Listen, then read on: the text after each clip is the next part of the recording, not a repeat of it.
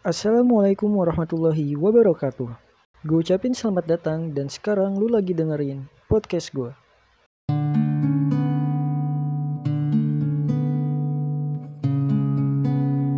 Hai, akhirnya gue bisa bikin podcast juga. Sebenarnya gue udah lama banget mau bikin podcast, cuma tertunda karena beberapa faktor. Salah satunya gue itu tipe orang yang banyak ide, tapi nggak bisa merealisasikannya. Jadi gue bersyukur banget karena akhirnya gue bisa bikin podcast di bulan ini. Dan pas banget momentumnya di bulan Ramadan. Dan ya, di episode pertama ini, seperti podcast-podcast kebanyakan, gue bakal ngelakuin hal yang sama. Apa itu? Jadi sebelum bikin podcast, gue sempat riset di berbagai sumber. Dan hasil risetnya, kebanyakan podcast di luar sana mengawali podcastnya dengan memperkenalkan diri. Dan gue pun bakal ngelakuin hal yang sama. Jadi, di episode pertama ini, gue cukup mengenalin nama gue Novel Arliando. Sisanya nggak penting buat kalian, karena hidup gue biasa-biasa aja. Dan juga nggak ada spesial-spesialnya dari diri gue. Jadi mungkin yang bisa membuat kalian ingat dengan gue ya cuma nama gue. Dan seperti yang kalian lihat di judul, sekarang gue bakal sharing tentang apa itu nasya.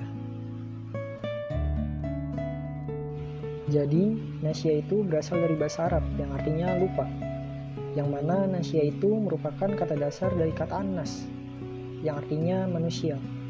Lalu, apa hubungannya lupa dengan manusia?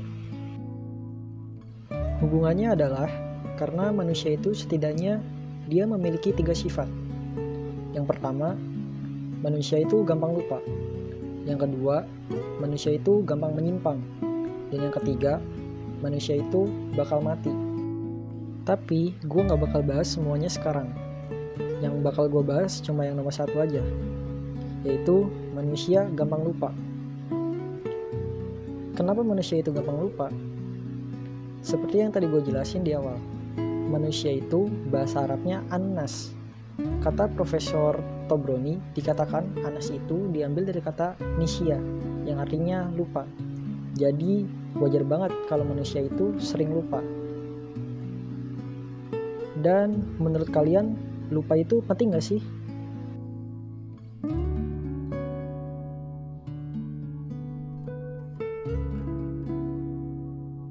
Jadi gue pernah dapat dalam sebuah kajian kenapa manusia itu perlu adanya lupa. Katanya kayak gini, bayangkan kalau kita habis ngalami kejadian yang sangat pahit, sehingga kita nangis semalaman dan tidak bisa melupakan kejadian itu, niscaya kita nggak akan bisa bertahan lama di dunia ini. Karena senantiasa terngiang-ngiang terus dengan kejadian-kejadian itu.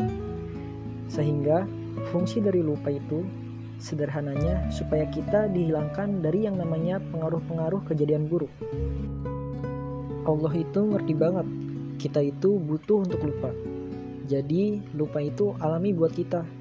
Nah, yang jadi problem biasanya setan suka tuh menunggangi yang alaminya manusia biar dipakai ke arah yang salah. Jadi trik setan itu sesederhana itu. Trik setan itu menunggangi hal-hal yang tadinya alami buat manusia terus kemudian dibawa ke arah yang salah. Contohnya kayak gini makan alami gak sih buat kita makan itu alami kan ya namun uh, gini kenapa makan itu alami buat kita pertanyaannya kenapa Allah bikin makan itu alami buat kita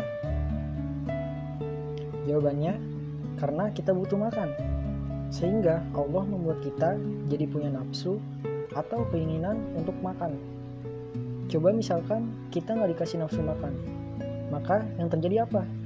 Makan pasti jadi aktivitas yang membosankan. Bener nggak? Duh, ngapain sih kita ngambil makan? Terus masak dulu bahkan. Jadi sepiring, terus kita harus ngambil sendok, terus dimasukin ke mulut, terus terus dikunyah. Paling kita cuma bertahan 3 sendok doang. Setelah itu, pasti kita mikir, ah kayaknya ada hal lain yang lebih penting dari makan Nah, insya Allah beberapa hari kemudian mati deh kita. Nah, kayak gitu kurang lebih contohnya. Artinya, kita itu butuh yang namanya lupa. Nah, balik lagi, setan itu sesungguhnya cuma menunggangi apa hal yang alami dari diri kita, lalu baru diarahkan ke koridor yang salah.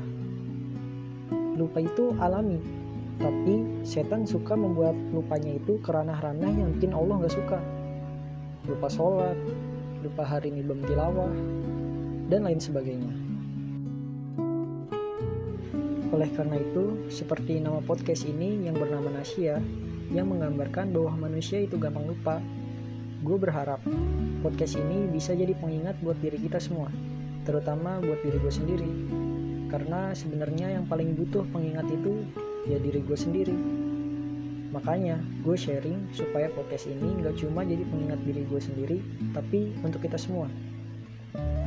Jadi ke depannya isi dari podcast gue ya akan banyak sharing-sharing tentang hal yang terjadi di sekitar kita. Kemudian gue kemas dalam sudut pandang seorang hamba dan tentunya dengan sudut pandang Islam. Tapi kalian jangan berharap gue bahas hal-hal yang berat gitu ya kayak fikih, akidah atau yang lainnya. Karena gue pun ilmu gue masih cetek banget. Jadi ya paling gue cuma bisa sharing-sharing hal-hal yang mendasar aja kayak kejadian-kejadian di sekitar kita lalu gue kemas dengan sudut pandang gue sebagai seorang muslim. Dan akhirnya bisa gue sharing ke kalian. Ya mungkin itu aja untuk episode yang pertama. Yang benar datangnya dari Allah. Dan yang salah datangnya dari gue pribadi. Akhirul kalam. Khairat wassalamualaikum warahmatullahi wabarakatuh